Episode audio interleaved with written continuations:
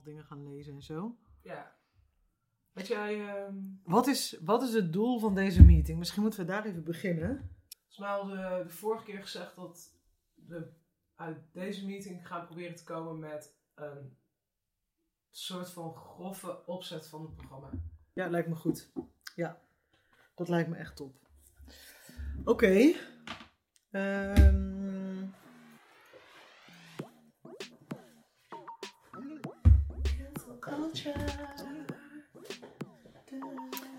Ja, cancel culture. Nou, de tune is er al. Hoi, ik ben Kim van Kaam. En ik ben Suus de Braak.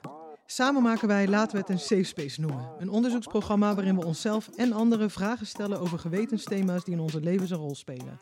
Ken ik mensen die op Thierry Baudet stemden en waarom praat ik daar niet met hen over? Waarom spreek ik mijn buren nooit? Kunnen emancipatie en rechtsdenken samengaan? Wat kan ik doen aan mijn klimaatschaamte? Wanneer ben ik politiek correct en wanneer activistisch? Heel even werd de coronacrisis bij haar start begin maart beschouwd als de grote gelijkmaker. Met als stoppunt Madonna die vanuit haar gouden badkuip Instagramde dat ook zij een slachtoffer was. Al snel hadden we in de gaten dat de pandemie de verschillen alleen maar groter maakte.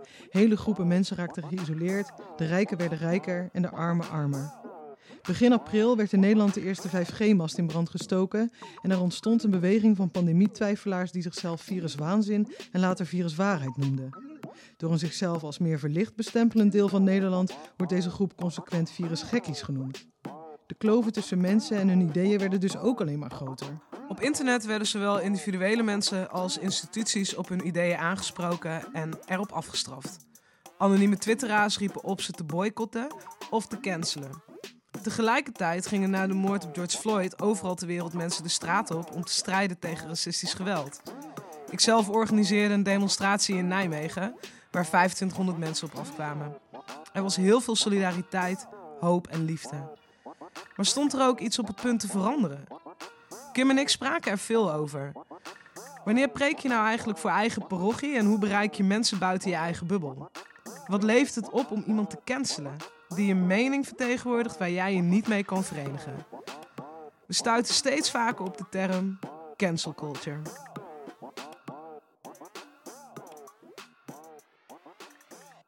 Ja, om- omdat het vooral het woord culture in de term cancel culture. Het is sowieso raar om het een cultuur te noemen natuurlijk. Want ehm, Ja, maar ja, dat ligt een beetje aan hoe je het woord cultuur benadert misschien. ja. Ja, dat is waar. Want benader je dat dan vanuit een soort, alsof er een community is van mensen die Ja, aan het cancelen zijn? Of benader je het van een, een bepaalde beweging die je signaleert waarin zo wordt met een soort canceling wordt gereageerd op misschien andere meningen of eh, weet je al, waarin een soort ja, massa, ma- de, ook een soort anonieme massa vanuit social media kan reageren op Ja, dat, dat misstanden. Is, dat is het natuurlijk, maar cultuur in mijn hoofd was tot dit fe- fenomeen eigenlijk meer community gericht. Want ik, ik communiceer of combineer cultuur heel erg aan. Het is een community goed en er horen regels bij Ja. en er zitten gedragingen aan en eh, dat spreken we zo met elkaar af en eh, dan bouw je een cultuur. Maar dat dit zo ad hoc en ineens is, dat, dat het wordt ook wel de hype eh, genoemd. En een hype is doorgaans iets wat weer vervliegt. Ja, Maar dit lijkt niet te vliegen. Plus dat ik het ook wel naar vind. Want ik, heb, ik vind cultuur, ik vind het woord aan zich vind ik heel erg mooi. Maar ik vind cultuur is in mijn hoofd altijd een positief woord of zo. Ik weet niet. Het is niet ik associeer het niet, dat, dat is niet per definitie, maar ik associeer het niet direct eh, met, eh, met iets negatiefs. nee, Terwijl rape culture en cancel culture, dat zijn allebei heel negatief. allebei ja. heel. Ik, ik wil niet eens dat ik wil niet dat die cultuur bestaat. En, Nee. Nou, maar je zou het ook kunnen benaderen als eerder een soort signalering van, van, een, steeds, van een steeds terugkerend fenomeen. En dat dat dan dus ook een cultuur is. zeg ja, maar. en dat is het denk ik. Ja. dat is het. Daarom, ja, dat is het denk ik ook. In de drie afleveringen van deze podcastreeks gaan we onderzoeken wat cancel culture inhoudt en wat het betekent om te cancelen of gecanceld te worden. Bestaat het alleen online? Kan iedereen gecanceld worden? Is cancelen voor altijd? En wat levert het eigenlijk op?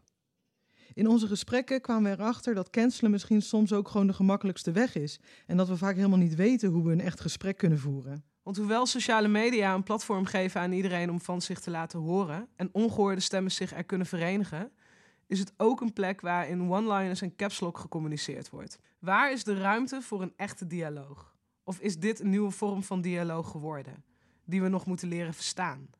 In deze eerste aflevering onderzoeken we het fenomeen cancel culture aan de hand van drie gasten die zich ieder op hun eigen manier moeten verhouden tot dit fenomeen. Ze zijn onderdeel van een subcultuur of gemeenschap of hebben een profiel waar anderen aanstoot aan nemen en worden aangesproken op hun positie. En dat maakte dat ze allemaal op hun eigen manier ervaren wat er voor nodig is om echt een gesprek te kunnen voeren. Is er eigenlijk een specifieke doelgroep die meer risico loopt om gecanceld te worden? Online verzamelt zich een steeds groter wordende groep van voornamelijk witte, cisgender heteromannen onder de noemer Men Going Their Own Way, oftewel MGTOW's. Deze mannen voelen zich continu onder druk gezet door met name vrouwen die hen al dan niet valselijk kunnen beschuldigen van grensoverschrijdend gedrag of machtsmisbruik en die langzaam hun plekken innemen in een samenleving die vooral door mannen is opgebouwd. The Guardian schreef er een analyse over en concludeerde dat de kans dat een van deze mannen zelf verkracht wordt in het Verenigd Koninkrijk 230 keer groter is dan om vals beschuldigd te worden van verkrachting. Maar onderzoek in de VS toonde ook aan dat 27% van deze mannen inmiddels één op één vergaderingen met vrouwelijke collega's vermijdt. Is dit ook cancel culture? Kan je als je meer geprivilegeerd bent ook cancelen of is het een one-way street? En wat betekent het eigenlijk voor je rol in de samenleving? Moeten sommige mensen zichzelf cancelen en plaatsmaken voor andere stemmen? Kim ging in gesprek met haar partner Dennis Gaans over wat cancel culture voor hem betekent. Dennis is podcastmaker, schrijver van twee gepubliceerde dichtbundels en al jaren bezig aan een roman. En daarnaast is hij docent aan de kunstacademie Artes, waar hij is verbonden aan de opleiding Creative Writing. En zitting neemt in het team van kerndocenten dat samen de koers van de opleiding bepaalt.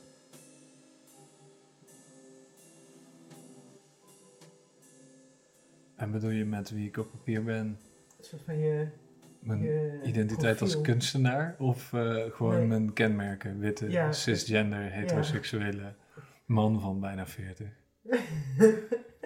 ja, die. Ja. En ik, het leek me wel leuk om te beginnen met ehm, de vraag of je je wel eens gecanceld hebt gevoeld. Gecanceld? Nee. Ehm.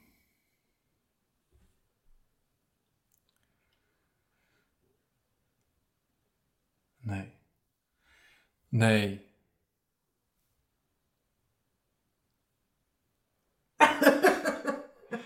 Maar, Nee, ja, nee, maar geke- ja, gecanceld voelen. Ik bedoel, ik heb me wel eens niet gehoord gevoeld of zo, maar dat is wat anders. Of dat ik, ja, ik heb ook wel eens dingen gezegd, vooral toen ik jonger was natuurlijk, as we all do, denk ik. Ehm, ja, die niet zo, waarvan ik achteraf spijt had of waar ik op werd aangesproken van, dat is niet zo, dat is niet zo oké om te zeggen. Ehm, ja, maar dat, dat voelde niet als cancelen, nee. Wat, wat is het voor jou, cancelen? Ehm, als, een, als een grote groep mensen, vaak via social media, eh, oproept om iemands werk of iemands mening eh, te boycotten op grond van dat daar iets controversieels in zit, of dat zo iemand iets controversieels gedaan heeft, of ja, iets wat, wat eigenlijk indruist tegen een, een bepaalde stelsel van normen. Ja, het klinkt heel abstract nu. Maar gewoon mensen op Twitter die schreeuwen. Er zit iets heel performatiefs in, in cancelen op internet, voor mijn gevoel. Hoe bedoel je dat? Nou ja, dat, eh, dat je bij de goede hoort als je meedoet aan het cancelen. Ehm, van een bepaald persoon in een specifieke situatie. Ik heb het nou niet over het algemeen. En het is... he- Ik heb het zelf... Nou ja, het voorbeeld ken je wel, maar ik zal het even uitleggen. Ehm, ik weet nog dat de, dat de NOS een keer een bericht had waarin stond... ehm, het was over die aanslag in Duitsland. In Münster, meen ik. Ehm, en er stond in, eerst dacht de politie aan een terroristische aanslag, maar het bleek een, eh, een witte Duitse staatsburger te zijn, of zoiets in ieder geval. Maar het, bleek, maar het bleek geen buitenlander te zijn, dat stond er, min of meer. En dat woordje maar is dan natuurlijk heel raar. En daar, dat, daar had ik een screenshot van gemaakt en ik bijgezet wat zo'n voegwoord allemaal niet kan doen, NOS. Ehm, wat voor mij voelde ergens als een soort. Dat voelde als een legitieme manier om de NOS aan te spreken, omdat ik dat podium heb. Ik kan net als iedereen een screenshot maken van iets en dat op Instagram zetten. Maar daarna, daarna werd het ook zo'n. Ik kwam dat plaatje heel veel tegen daarna. En ik had dat plaatje natuurlijk zelf gemaakt, dus ik, ik had er een hele stomme rode cirkel omheen gezet met mijn vinger. Dus ik herkende dat plaatje overal. En toen schrok ik toch wel van hoe hard dat dan gaat of zo. Terwijl het zou, het zou ook de opening van een dialoog kunnen zijn. Maar het werd heel snel een soort veroordeling van de NOS voor altijd. En dat, daar ben ik toen wel van geschrokken. In het begin vond ik het heel erg leuk toen mensen het oppikten. En dat is denk ik het performatieve eraan. Dus ik wil ook niet zeggen dat ik daar zelf niet, uh, niet aan meedoe of zo.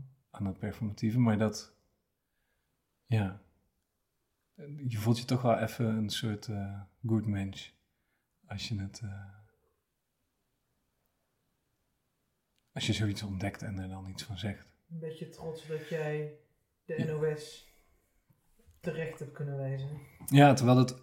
Nou ja, dat was misschien wel de intentie. Omdat ik wel. Nou ja, ik zit op taal op een bepaalde manier. En uh, ik denk dat taal heel belangrijk is. Ik heb daar laatst een hele discussie met iemand over gehad. Dat je echt niet moet onderschatten wat taal kan doen. Dus ook dat je moet oppassen met wat je zegt, dat je moet oppassen met wat je schrijft. Um, ja. Dus ik vond het, het was misschien wel een soort, het had ook een gesprek kunnen worden, uh, maar dan had ik het ook kunnen mailen misschien, weet je wel? Waarom heb ik het dan publiek gedaan? En dat is denk ik wat ik met dat performatieve bedoel. Het was wel echt binnen een uur weg, het woordje maar. Hebben ze helemaal niet gereageerd? Of? Nee, niet, nee, niet dat ik weet. Niet op de, ook niet op andere mansberichten. Um, jij zei aan het begin ook dat het ook een, ges een gesprek had uh, kunnen zijn. En dat het nu een soort af afrekening was. Ja. Als cancel culture of een bepaalde canceling of iemand aanspreken op gewoon wel een gesprek zou kunnen opleveren. Wat, uh, wat is daar dan denk je voor nodig?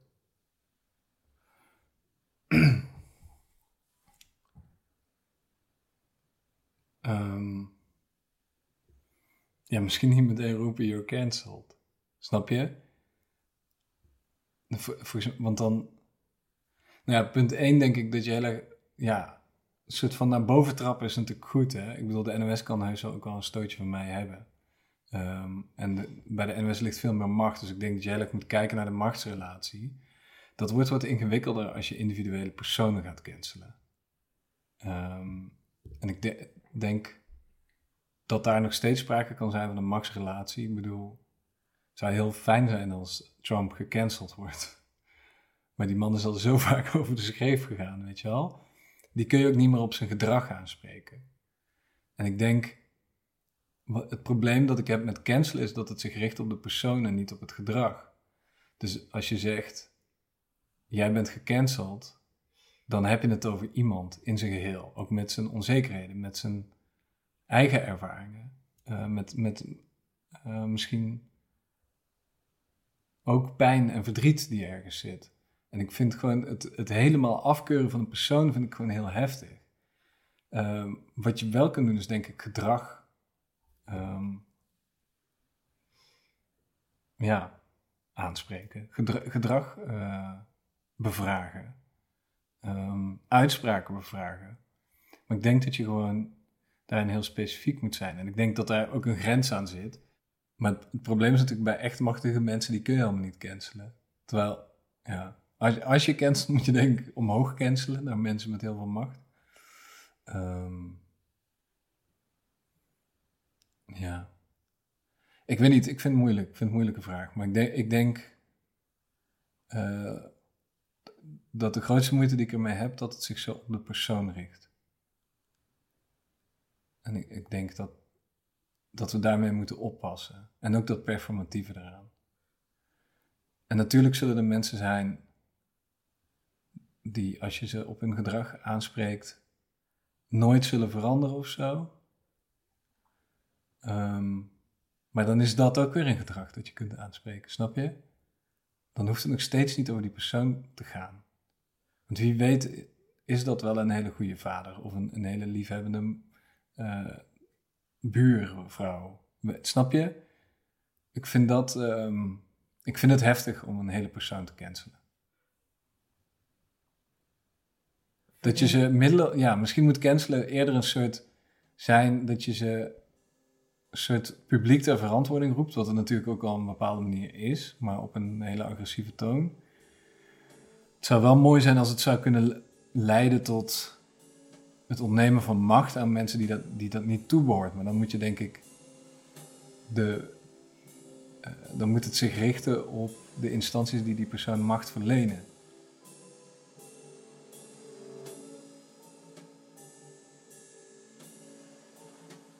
Of ik me bewust ben van de plek die ik bezet hou. Um, ja. Nou, ik zit wel eens vaker te denken of ik niet bijvoorbeeld mijn eerstejaarsvak zou moeten opgeven. Waar ik dat super leuk vind. Hè? En ik vind het lesgeven ook heel leuk. En ik denk echt wel ook dat ik een goede docent ben. Wat niet wil zeggen dat uh, andere mensen dat niet zijn of zo. Maar um, ja, ik weet het niet.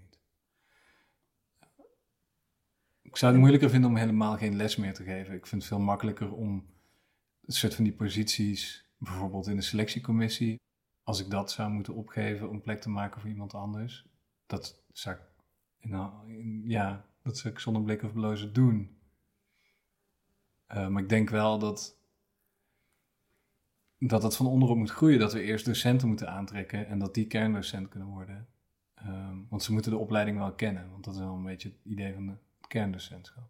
Is dat dan, denk je dat dat een soort manier is om, om, om jezelf te, te cancelen? Zonder het de negatieve roeptoeter associatie. Ik heb een gevoel dat ik weet waar jij naartoe wil. Um, mezelf te cancelen? Nee. Dat voelt niet als cancelen. Dat is gewoon plek maken.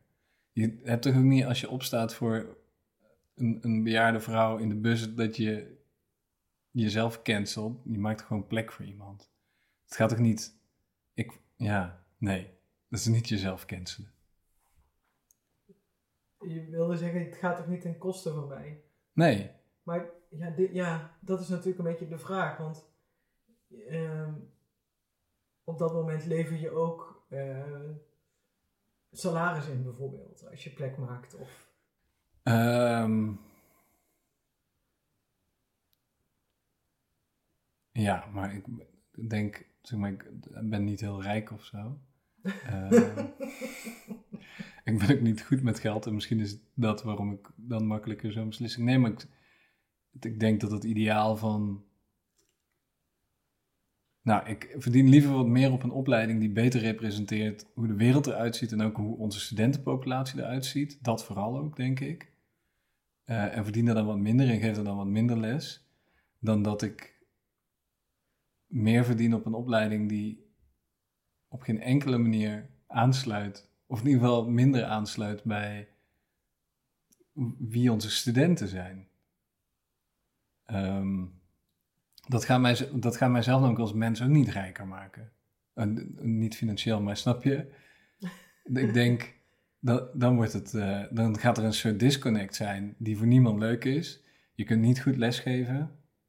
Um, ja. En, maar dat is, een, dat is natuurlijk wel een privilege om dat te kunnen zeggen. Ja, en, en hoe, hoe zie je dat dan voor je werk als maker? Want ik heb je daar wel eens horen zeggen dat je je roman eigenlijk niet meer relevant vindt. En en denkt, ja, waarom zou ik dit uitgeven? Want waarom verdient deze... Ik neem, daar heb je letterlijk horen zeggen, dan neem ik een plek in die anders misschien naar iemand anders gaat met een interessanter, eh, interessantere stem. Ja. Maar het is niet alleen dat, hè. Het is ook omdat ik... ehm, het gaat om een boek over een witte jongen die met zijn ziel onder zijn arm loopt en niet zo goed weet wat hij wi- wil. En ook een racistische daad begaan is. Wat misschien zou je nog allerlei dingen over kunnen zeggen of dat misschien juist een interessante stem is. Eh, maar het, gaat eigenlijk vooral heel erg veel over dat eerste, over met je ziel onder je arm lopen. En ik denk dat ik dat enigszins ook ontgroeid ben. Ehm, in dit specifieke voorbeeld dan. En anderzijds denk ik ook, maar dat, ja, ik zou dat zelf ook misschien niet per se willen lezen nu. Ik ben zelf meer geïnteresseerd in andere stemmen. Of in ieder geval, ik zou die graag.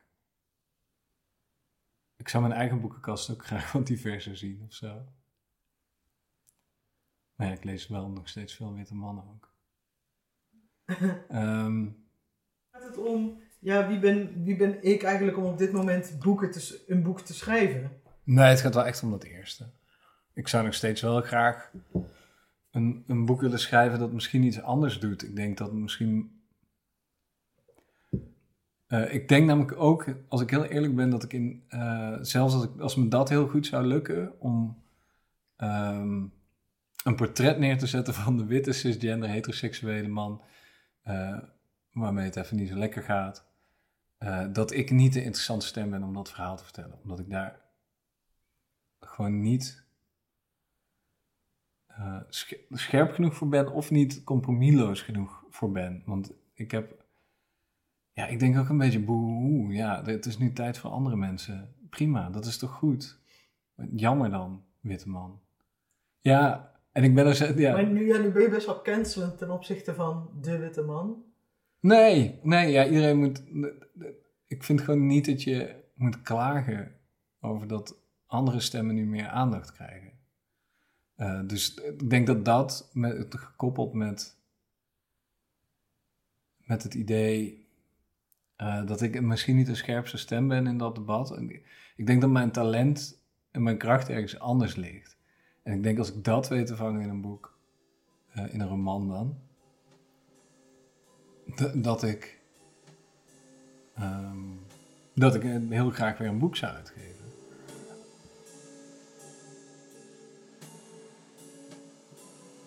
Hoe, welke vragen zouden er gesteld moeten worden?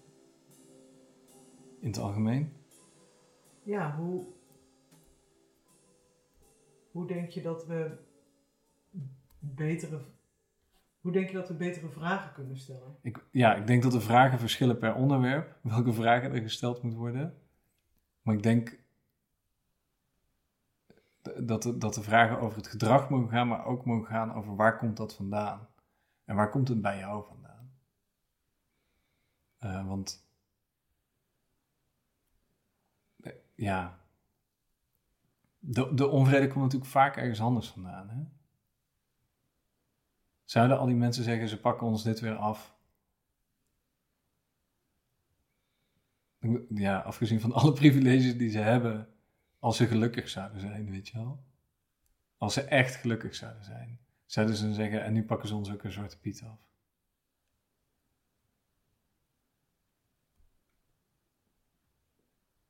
Dat vraag ik me af. Moeten we af eh, van de term cancelen? Of cancel culture?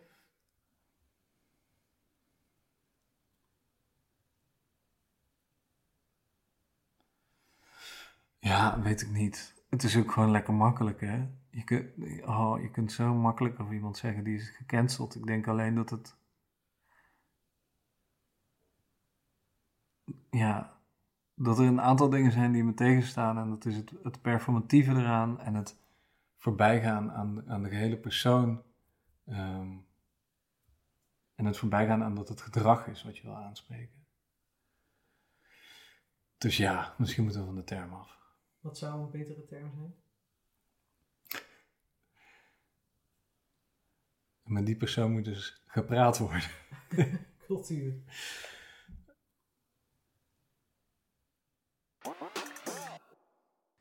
Canceling lijkt een tool voor activisten om hun standpunt over te brengen en hun stem meer kracht bij te zetten.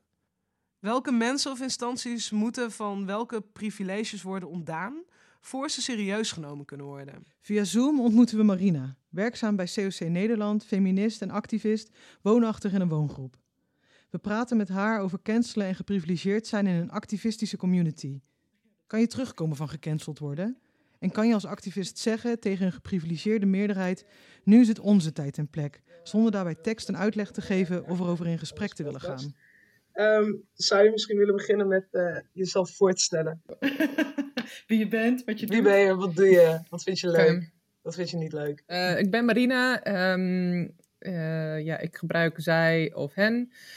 Ik eh, werk op het moment nog bij COC Nederland, ehm, maar straks niet meer. Eh, ik ehm, ben ook een vrijwilliger bij een organisatie die heet Abortion Network Amsterdam. Daar, daar doe ik van alles. Wij ja, helpen eigenlijk mensen uit de hele wereld om in Nederland eh, ehm, veilige abortus te krijgen.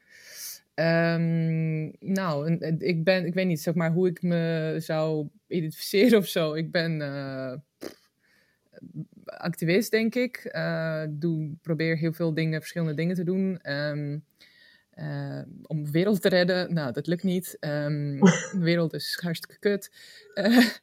Maar verder, ik weet niet, ik klim in de bergen soms, dat is leuk. Verder eh, heb ik een leuke kat. En hoe heet die kat? Nou, het is eigenlijk een poes, eh Liesje. Oh, Liesje. Oh. Gezellig. Ja. Tof.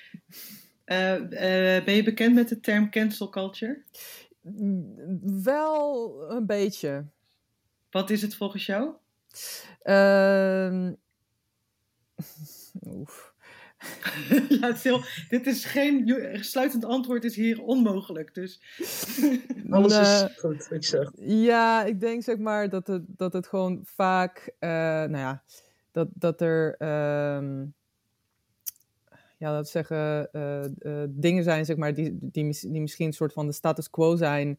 Eh, en als eh, er ook een soort cultuur komt die zegt nee, de status quo is bullshit en het is eigenlijk helemaal anders. Zoiets, I don't know. Ik vind het heel moeilijk om te, te, te omschrijven. ben je, ben je er wel eens mee in aanraking gekomen? Ehm, ja, zeg maar, eh, hoe zeg je dat? Eh, op mezelf gericht heb ik het denk ik ervaren toen, eh, nou ja, wij waren een eh, feministische festival aan het organiseren en eh, door ja, sommige mensen van de, de, de queer scene eh, waren wij soort van aan de kant eh, geschoven als, eh, oh ja, ehm, jullie zijn wel eh, witte eh, eh, straight of bi vrouwen die ehm, ja, niet echt eh, zeg maar oppressie beleefd hebben in jullie leven. Dus wat hebben jullie te zeggen? Zoiets. Mhm. Ehm, dat voelt een beetje al als cancel culture, als in van ja, jullie hebben niet zoveel te zeggen. Ehm, ehm, ja, ik denk dat dat is zeg maar wat ik me nu kan herinneren. Maar ja, ik weet wel dat ik mezelf ook wel best wel vaak ja, mensen kan cancelen, zeg maar, doordat ik denk, oké, jij bent ehm, witte, of, eh, witte ehm, straight cis man, dus wat heb jij te zeggen? Dus ehm, ja, ja, kan gebeuren. Waarom, waarom specifiek die eh, groep? Daar ben ik wel benieuwd naar. Nou, het, het heeft te maken met, met privilege die je hebt. Eh, ik denk dat heel vaak heb ik hetzelfde met eh, I don't know, witte, cisgender, eh, hetero vrouwen ook bijvoorbeeld. En dan, dan gaat een soort van in een, in een ladertje eh, omlaag. Ehm, eh, I don't know. Het, het heeft denk ik voor mij voornamelijk te maken met gewoon hoe je je eh, presteert, hoeveel privileges je hebt, hoeveel. Eh, en, natuurlijk, ik wil ook niet dismissen zeg maar, de feit dat iedereen eigenlijk eh, hun eigen ehm, ja, experiences heeft, zeg maar, hun eigen eh, ervaringen in het leven. Ehm, niet iedereen heeft het natuurlijk, zeg maar, het betekent niet als je wit man bent, zeg maar, dat je ehm, nooit iets meegemaakt hebt in je leven. Maar het betekent wel dat je ja, gewoon niet zo snel op straat harassment uh, zou beleven. Of dat je um, ja, gewoon, weet niet, het idee hebt van. Uh, of ja, je bang bent voor geweld te kunnen, kunnen ervaren. dat is gewoon allemaal omlaag bij zo'n persoon, heel vaak. Um, daarbij zijn dat heel vaak mannen, zeg maar, die gewoon heel veel plek uh, of ruimte innemen en daar niet, nooit over nadenken. Um, hebben gewoon heel veel, ja, eigenlijk de luxe gehad om uh, nooit uh, daarover na te hoeven denken, maar ook um, ja, gewoon eh, zo gesocialiseerd zijn, zeg maar. Dat eigenlijk de, world is your oyster. Alle ruimte is eigenlijk voor, je, voor jou gecreëerd in deze wereld. En jij mag overal komen uh, en overal uh, ja, doen wat je wilt, min of meer. En natuurlijk heeft dat dan meer nuances. ja, ik bedoel, klasse speelt mee. ja, gewoon sowieso... Um, wat je achtergrond is, heel vaak waar je vandaan komt, natuurlijk. Um, mm. Maar dat is wel, mijn ervaring is dat, ja, he hele hoge percentage, zeg maar, van witte, hetero,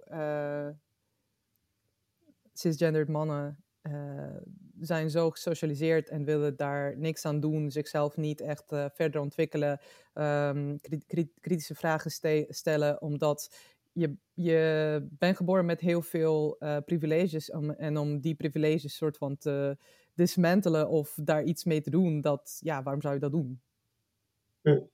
Meer generaliserend, is dat ook een soort ontwikkeling die je ziet? Of is het iets van alle tijden al geweest? Of is het juist iets wat nu veel meer ruimte komt, voorkomt om te zeggen... Uh, mensen met het profiel cisgender, hetero, witte mannen... Ja, op het moment is dat gewoon even niet de prioriteit om gehoor aan te geven. Uh, kun je daar iets over zeggen? Zie je dat als iets van nu of is dat eigenlijk altijd al in jouw community aan de hand geweest? Uh, ik denk dat het zeker uh, iets van nu is. Uh, dat het denk, ik denk dat ook bijvoorbeeld ja, bewegingen zoals MeToo en nou, Black Lives Matter ook wel, dat er best wel veel aandacht is geweest voor hoeveel ruimte cis-mannen innemen eigenlijk. Um, en ja, zeker ook wel iets wat de laatste tijd heel erg aan het ontwikkelen is, ook met gewoon social media. Dat het veel makkelijker is om, nou ja, weet niet, memes daarover aan iedereen te versturen. En dat iedereen gewoon het idee krijgt van, oh ja, wacht, uh, waarom is dat zo eigenlijk? En wat betekent als je zoveel privileges hebt? Je, hebt je ziet het ook heel erg in gewoon mainstream, zeg maar, dat er ja, ook gewoon bekende mensen daar meer over praten. Um, ja, dat er ook, zeg maar, witte cisgender mannen ook eigenlijk daarover uitspraken maken. En dat er... Um, ja, gewoon eigenlijk veel meer ruimte op internet ook bijvoorbeeld voor is, maar ook gewoon in uh, ja, feministische community, denk ik, in de queer community, dat dat um, heel erg ja, meespeelt eigenlijk met gewoon veel makkelijker als je op je gemak voelt. Dus bijvoorbeeld als je bijvoorbeeld in zo'n zogenaamde safe space band bijvoorbeeld, die dan, weet ik veel, een, een queer um, bar is of zo, dat er gewoon veel makkelijker uh, ruimte voor is om te zeggen van, hé, hey, ik wil nu even met jou niet praten, um, omdat jij denkt dat jij alle ruimte hebt om gewoon zomaar soort van in ons gesprek um, mee te doen, maar dat vinden wij niet oké, dus uh, doei of zo dat, ja, ik heb het idee dat het zeker wel, uh, ja, misschien de laatste vijf jaar soort van aan het opbouwen is. En dat voor mijzelf um, ook wel in die tijd, denk ik, meer en meer een soort van belangrijke Ehm, ja, iets, iets is waar ik eh, begon over na te denken, maar ook meer een soort attitude wordt eigenlijk voor mezelf. Dat het gewoon oké is soms om ehm, ja, eigenlijk een, een hele snelle beslissing te maken en iemand uh, te beoordelen heel snel. Um, omdat ik ook altijd uh, zo beoordeeld word en dat zou dan oké okay zijn. Maar als ik het uh, doe omhoog, zeg maar, naar de privilege omhoog, dan is dat niet oké okay opeens. Mm -hmm. um, ja, sowieso denk ik voor ja, niet-cis mannen, um, dus alles wat er buiten valt, heb ik het idee dat het um, eigenlijk zo, eigenlijk een soort empowerment de laatste tijd is geweest. Uh, om gewoon te zeggen van, hey, um, wij zijn hier eigenlijk. We zijn misschien anders gesocialiseerd. We zijn minder gezien. We, we tellen heel vaak minder mee, omdat wij gewoon in een patriarchale wereld uh, wonen. En alles wat er soort van niet uh, on the top staat, nou ja, heeft eigenlijk minder um, waarde. Uh, en dat uh, ik heb het idee dat heel veel mensen gewoon veel meer empowered uh, voelen om te zeggen van ja, dat is niet zo. Wij zijn ook gewoon waardevol en wij willen eigenlijk dat, dat iedereen zomaar gelijk is. Um, maar ook gewoon om die ruimte te kunnen innemen die normaal gesproken altijd voor witte cisgender hetero mannen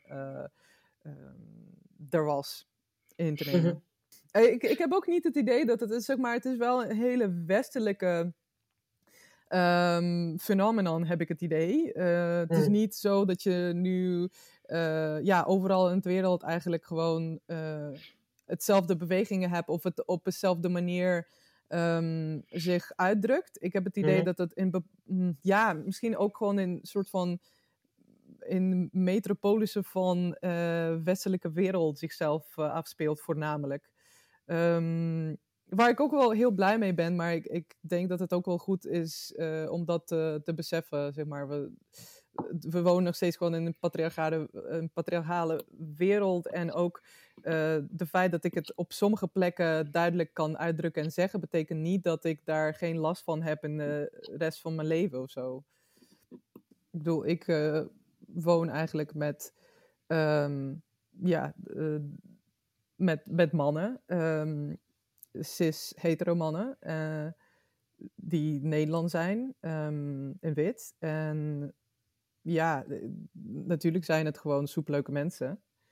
Dus ik zeg niet dat, uh, dat, dat als je wit hetero cis bent, dat, dat je nooit een leuke persoon kan zijn.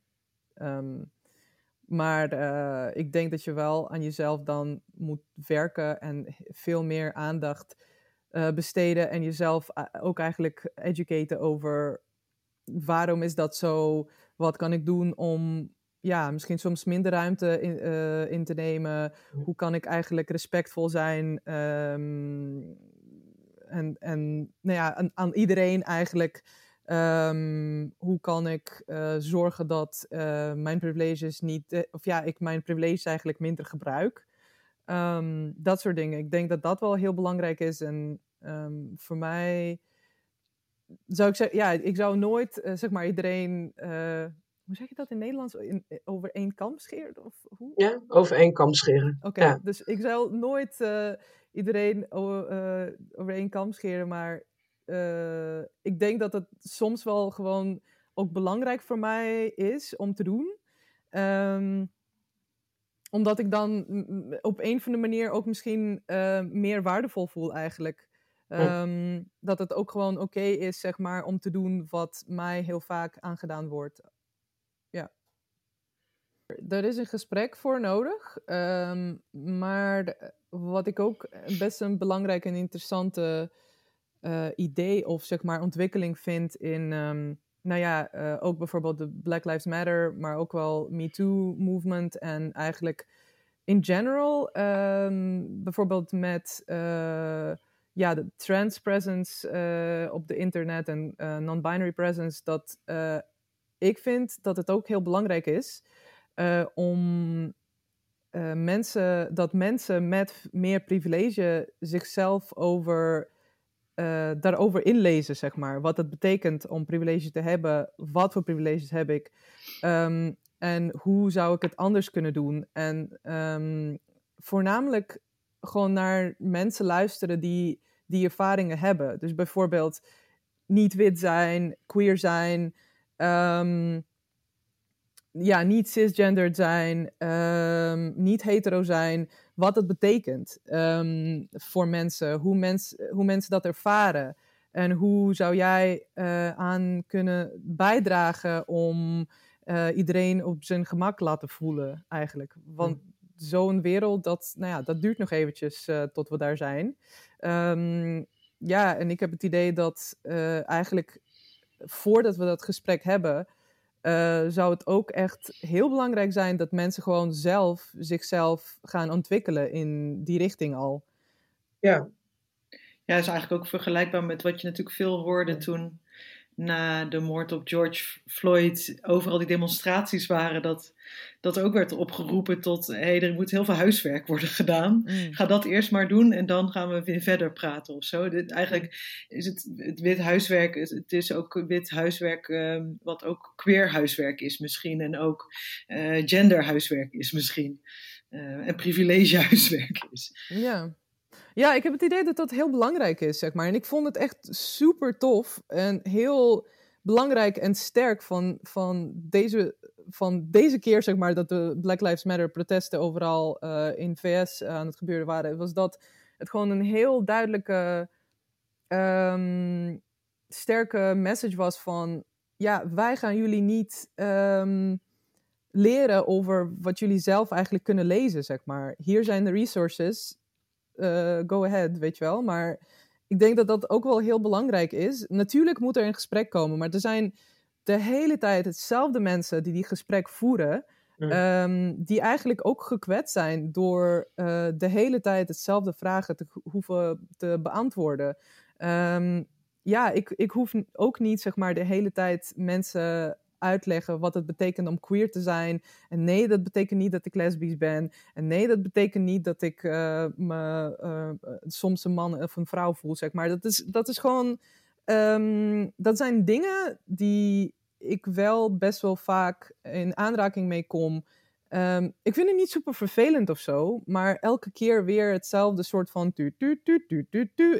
Het, is gewoon op een gegeven moment op. Ik, ik weet niet, er moet natuurlijk een balans komen tussen en gesprek met mensen aangaan en ook gewoon soms kunnen zeggen van hier heb ik geen zin in.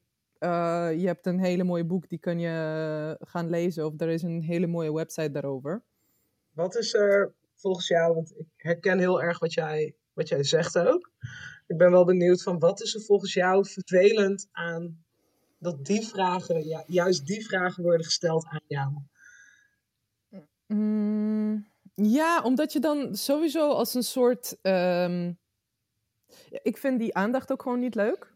Nee. Ik, dat wil ik niet. Ik wil gewoon mm -hmm. een persoon zijn, gelijk aan iedereen, um, die je geen moeilijke vragen hoeft te stellen, zeg maar. Want als je iemand ontmoet, ga je ook niet meteen vragen van, ja, wat is je favoriete seksuele positie met je partner of zo. Um, dat is één. Maar um, ja, dat je ook dan wordt gezien als een persoon in die uh, persoonsleven, zeg maar, die mm -hmm. dan een soort van de queer persoon is, of de transpersoon is, of de uh, niet-witte persoon is. En dan moet jij alle uh, antwoorden weten, soort van. Omdat, terwijl ik denk, ja, iedereen's ervaring is gewoon zo anders. Mm -hmm dat, dat ik ook geen spokesperson voor alle queer mensen in Nederland wil zijn of zo. Ik bedoel, dat is, dan denk je van oké, okay, maar sorry, ik uh, lees ook een interessante boek op het moment. Um, en uh, ik heb uh, voor het eerst een hele moeilijke klimroute geklommen. Laten we het daarover hebben. Um, en waar mensen dan wel over willen hebben, is waarom je kort haar hebt en veel tatoeages of zo. Dat, ja, weet je, dat is gewoon iets heel persoonlijks eigenlijk meteen. Ja. ja. ja. Maakt meteen een gesprek onmogelijk eigenlijk. Ja, of het maakt gewoon een gesprek van, ja, wat, ik bedoel, wat wil je dat ik antwoord ook precies? Mm. Ja. ik, ik, ik, ik weet gewoon nooit wat ik daarmee moet. En eh, ik moet altijd een soort van, ja, iets grappigs gaan zeggen of iets gaan bedenken. Terwijl ik me eigenlijk gewoon heel erg meteen niet op mijn gemak voel. En eigenlijk deze gesprek gewoon niet meer wil voeren. Mhm. Want ja, wat zeg je eh, tegen als iemand zegt, waarom heb je veel tatoeages? Ja, ik weet niet, ik ben oud. Omdat ik dat wil. ja. Ja, ja. Vind ik mooi. ja. Ja. Oké. Sommige mensen voelen zich consequent niet gehoord en gezien, ongeacht of dat ook zo is. En waar vroeger, voor internet en sociale media, deze stemmen verdwenen en onzichtbaar bleven, kunnen ze elkaar tegenwoordig relatief makkelijk vinden in hun argwaan voor de mainstream. Ze sluiten zich aan bij hun eigen politieke partijen, organiseren zich in een omroep of gaan de straat op. Groepen als de gele hesjes en viruswaarheid en aanhangers van QAnon keren traditionele mediakanalen de rug toe zien zich niet gerepresenteerd in de overheid en zoeken hel bij complottheorieën op internet. Ze gaan zelfs zo ver dat er onder een pizzeria in Washington een pedokelder voor vooraanstaande politici zou zijn gebouwd. En als je eenmaal in dit algoritme zit, kom je er niet zomaar meer uit. Het is moeilijk om een alternatieve mening te hebben zonder als complotdenker te boek te komen staan en daarmee direct gecanceld te worden. Terwijl er nog veel ruimte lijkt te zitten tussen Pizzagate en mainstream. Suus en ik spraken hierover met Suus' zusje Glenda Oelof, die een gezinshuis heeft, zich bekeerde tot het christendom en op haar eigen wijze omgaat met de gevolgen van het coronavirus. Zonder de regels te negeren en met respect voor andere opvattingen. Suus en ik vonden deze mening niet in ons eigen algoritme en vroegen ons af wat er voor nodig is om jezelf buiten de mainstream te plaatsen, maar toch in gesprek te blijven. Spannend! Hoi zus. Hoi zus, Hoi. je bent op de radio. Oh, nu al? Nee, je wordt opgenomen. Ik zit hier met Kim. Oh, hoi Kim. Hallo! Hallo, we hebben net al allemaal dingen voorbereid en nu eh, gingen we met jou bellen. En wat ik een heel mooi gesprek vond eh, tussen ons is dat jij, hoe jij omgaat met jouw denkwijze over deze hele pandemie en jouw religie daarin meeneemt en hoe dat soms best wel ingewikkeld is om dat gesprek aan te gaan met mensen die daar anders over denken. Ja. En eh, kan je daar wat over vertellen aan ons? Ja, nou in principe is het niet heel ingewikkeld hoe, ehm, hoe ik dat gesprek inga met andere mensen, want ik respecteer het wel. Weet je, het, het is gewoon wel een feit. Corona ehm, is er en, en bestaat en het is ook hartstikke verschrikkelijk. Maar eh, ik, ik en mijn gezin en wij weigeren gewoon om in angst te leven. Ja. En ook in verband met ons werk willen we dat gewoon niet overdragen op de kinderen. Ja, want even voor de duidelijkheid, jij hebt een gezinshuis. Ja. Ja, dat is jouw werk. Ja, Ja. dus wij vangen kinderen op die niet meer thuis kunnen wonen, maar eh, die wel contact hebben met het thuisfront of met netwerk, dus Mhm. met familieleden. Ja. Dus we willen wel gewoon ehm, verbonden blijven met elkaar en ja, uitgaan van liefde. En ik vind dat corona heel veel afstand eh, zaait en angst bij mensen. en daar wil ik ja, daar wil ik eigenlijk zo ver mogelijk vandaan blijven. Ja. Want ehm, kan je, eh, want hoe zie jij dat dan, zeg maar, dat die angst wordt gezaaid? Hoe komt dat op jou over? Ehm, ja, de maatregelen. Ik vind dat de maatregelen best wel heftig zijn. Die anderhalve meter samenleving vind Mhm. ik echt belachelijk. En mondkapjes dragen. Eerst wordt gezegd dat dat eh, schijnveiligheid is. En vervolgens wordt dat toch opgedragen door de minister-president. En Mhm. doet iedereen dat maar klakkeloos na, zonder zelf eh, onderzoek te doen. En ehm, ja, zelf te kijken van nou, hoe zit dit? Ehm, weet je, dat, dat zelfonderzoekende van de mens, dat, dat gaat gewoon helemaal weg. En dat vind ik heel jammer. Dat zie je ook wel, want het is natuurlijk leider van het land. Dus je verwacht van, nou, die hebben het beste met ons voor. Maar wat als dat niet zo is? Ja. Ja, je, je vindt Dus, eigenlijk dat er meer vragen gesteld zouden moeten worden. Zeker. Ja. En En eh, ik vind het aan de andere kant ook wel mooi dat veel mensen dat ook wel doen hoor. Want er zijn ook heel veel mensen die het juist bevragen en die, die zelf onderzoek doen. En die niet per definitie meteen helemaal meegaan in die, in die kudde en in die lijn van angst. eigenlijk, want daar hebben wij het ook wel vaak over gehad, van wat, wat, wat jij het lastigste vindt ook aan dit, is dat, dat er vanuit een leiden, leidinggevende rol vanuit de overheid, in plaats van dat er veiligheid wordt geborgen, eigenlijk angst wordt gezaaid. Ja. Ja. Ja, en het wordt ook verder ook niet, kijk, corona hartstikke erg en ehm, ik, ik praat het ook echt niet goed. Ik, ik begrijp dat er maatregelen zijn getroffen, maar ik, ik, ik wil gewoon niet in een anderhalve meter samenleving leven. Weet je, ik vind dat zoiets uh, ver afstaan van, van mijn eigen uh, normen en waarden. Dat je Ja. zoveel afstand uh, creëert tussen mensen, ook met de mondkapjes. Je ziet geen emotie meer. En, Mhm. ja, ik vind dat, dat vind ik wel heel lastig. Maar het is niet dat ik totaal niet begrijp. En wat ik ook niet begrijp, is dat andere ziektes, zoals kanker, eh, wat, wat, wat ook super lang speelt. Mm. En dat dat allemaal wat meer naar de achtergrond gaat. En, en nog veel meer andere vreselijke ziekten. Dus waarom wordt er niet meer geïnvesteerd in het, in het gezonder maken van de mens in plaats ehm, van alleen maar die maatregelen en, en het, het. Ik heb niet echt het gevoel dat het zo op die manier heel erg wordt bestreden. Nee, precies.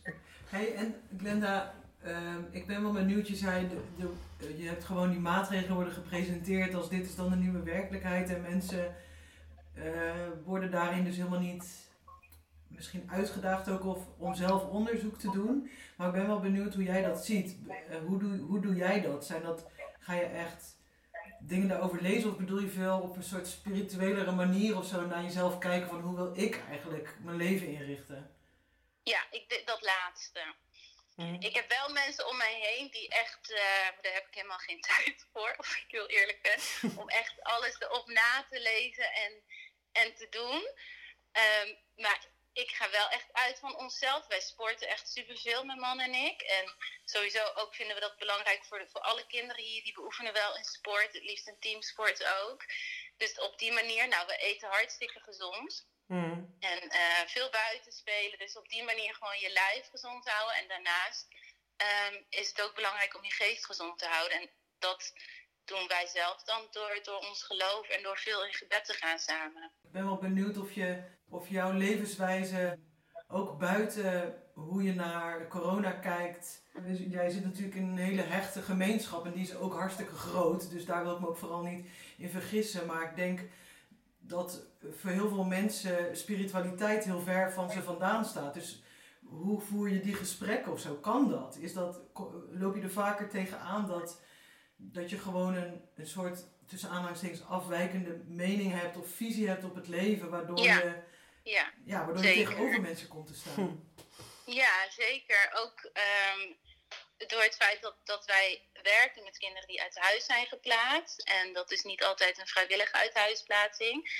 En je hebt eh, vaak nog te maken met, met ouders die daar niet altijd achter staan. En met een voogd en met, Mhm. met een zorgaanbieder. Dus ehm, nou, die ouders hebben ook hun eigen leven en hun eigen visie en hun eigen denkwijze. In, ook in de corona.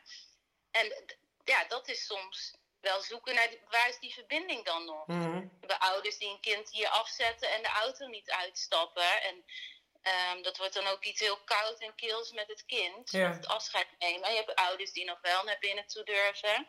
En eh, met wie je dat gesprek wel aan kan gaan. Maar ik heb ook gehad eh, met, met, eh, met iemand die zei van ja, dat jij nou niet in de corona gelooft. Ik doe dat wel, dat was niet van het werk dan. Maar dat, maakt het dan soms wel lastig. En dan, dan denk ik van ja, ik geloof er wel in. En ik erken echt wel dat het, dat het bestaat. Maar ik weiger om zo angstig te leven. Ik wil niet. ehm, ik, ik, ik, ik kan dat ook gewoon niet. Ik wil zo graag in die verbinding blijven met mensen. Nou, jouw, En- jouw, jouw verbinding zit vooral in jij, wat jij altijd tegen mij zegt, is van ik kan niet in, in angst leven, want Jezus is liefde. Ja. En Ja. dat is zeg maar ook wel eh, voor jou jouw continue houvast in jouw leven, toch? Ja, ja zeker. Ja. Zeker, want ehm, ja, ik, ik geloof ook echt dat, dat mijn leven, dat ons leven geleid wordt door God. En ehm, weet je, als ik, als ik kies voor, voor me wel in, in die angst te laten meegaan, Mhm. dan voelt het voor mij ook alsof ik mijn, mijn, hele, mijn hele identiteit in wie ik ben in, in Christus, dat ik dat uh, afdoe. Ja. Ik, ik, ik, ik, zou, ik zou het ook gewoon echt oprecht niet kunnen. Nee.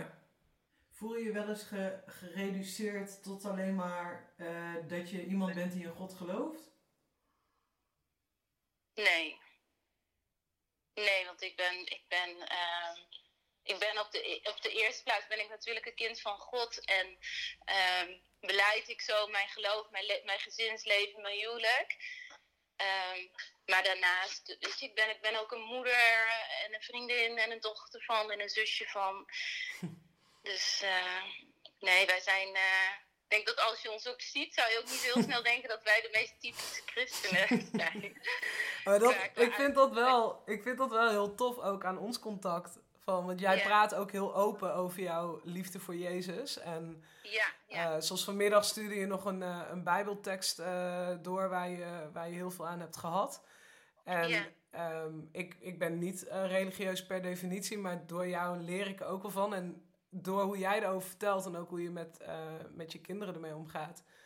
eh, Ja. vind, vind ik dat altijd wel hele leuke, leerzame gesprekken ook wel. En dan, dan lees je een, een bijbeltekst op een hele andere manier. En we hebben ook wel eens zondagochtenden dat ik jou bel, dat ik een kerkdienst heb opstaan. Ja?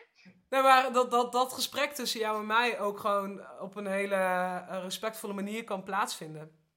En Ja. dat, dat, dat, we, dat we misschien wel verschillend zijn in, in onze houvast in het leven, maar dat, dat er wel gewoon openheid tot gesprek eh, voor is om van elkaar te leren. Ja, ja, ja, altijd. Ja. Ja, ik moet ophangen, zus, want die kinderen zitten mij te roepen. Ik heb wel Lisa aan het werk. Ja, geef ze een dikke knuffel van me en dankjewel voor dit gesprek. Heel erg Ja, bedankt, Linda. jullie ook bedankt. En wij spreken elkaar vanavond nog wel. Ja. Oké, tot later. Doei. Doei.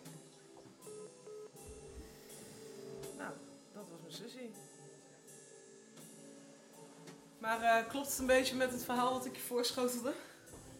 Ja, heel erg denk ik. Ik vind dat ze er ehm, ja, op een heel heldere manier over praat of zo. Ja. En ook niet, eh, ze luistert heel goed. Dat vind Ja. ik ook knap. Eh, dat vind ik ook wel echt een, eh, een kwaliteit aan, eh, van haar. En ook dat ze, ze. Het komt er mij niet over alsof ze veroordeelt zonder eerst zelf na te denken. En eh, ja, ik hou, wel, ik hou er wel van dat mensen ook gewoon zelf kritische vragen stellen. Ja. En ehm, ja, je moet niet. eh, ehm, nou, ik vind gewoon wel wat zij, wat zij zegt. Van, ja, het is, ik, ik, ik sta wel achter die gedachte van wat ze zegt. Van, ja, ik voed hier gewoon kwetsbare kinderen op. Als ik die ook nog eens ga leren dat ze in angst moeten leven. Ehm, Nou, precies. Zij heeft Ja. ook heel erg de omgeving om, om daar echt iets mee te moeten of zo. ja, Ehm, dus dat, dan snap Ja, ik best wel dat. Ja. ja, het is wel heel. ehm, dat is, lijkt me wel echt heel moeilijk en ingewikkeld. Dus het is wel heel knap hoe rustig ze daar eigenlijk in kan staan. Ja. Ja, heel tof. Cancel culture lijkt een paraplu-term te zijn geworden voor enerzijds het anonieme terechtwijzen van personen of bedrijven op Twitter. En anderzijds een activistische tool die de ruimte en podium geeft aan ongehoorde stemmen en verhalen. Het praten over cancel culture dwingt ons om na te denken over welke stemmen wij zelf eigenlijk horen en waarom. En hoe we daaruit kunnen breken. Een organisatie, persoon, idee of doelgroep cancelen levert geen gesprek op, geen nieuwe ideeën of frisse inzichten. Maar misschien kan het wel een middel zijn tot gesprek. Een manier om iets open te breken door na een terechtwijzing de nuance op te zoeken, vragen te stellen. In de volgende aflevering komen we erachter hoe moeilijk dat is, omdat sociale media niet gemaakt zijn voor nuance en zij helemaal geen platform bieden voor het stellen van vragen. Dit was de eerste aflevering van Laten we het een safe space noemen. Bedankt voor het luisteren. Wil je reageren? Heb je aanvullingen of vragen? Mail ons dan. We gaan graag met je in gesprek en zijn bereikbaar via safespacethepodcast.gmail.com. Wil je meer achtergronden lezen over cancel culture? Op Notulen van het Onzichtbare vind je een leeslijst met tips voor interviews, artikelen, podcasts en documentaires die ons hielpen bij het nadenken over cancel culture. Zie de link in de show notes. Deze podcast werd gemaakt door ons, Kim van Kamen en Suus de Braak. In opdracht van de nieuwe Oostwindtuin. Montage en mixage door Josien Wijkhuis en technische ondersteuning door Dennis Schaans. Het prachtige logo is van Merle Vindhammer. Veel dank aan al onze gesprekspartners die lang niet allemaal in de podcast zijn gekomen. Tot de volgende!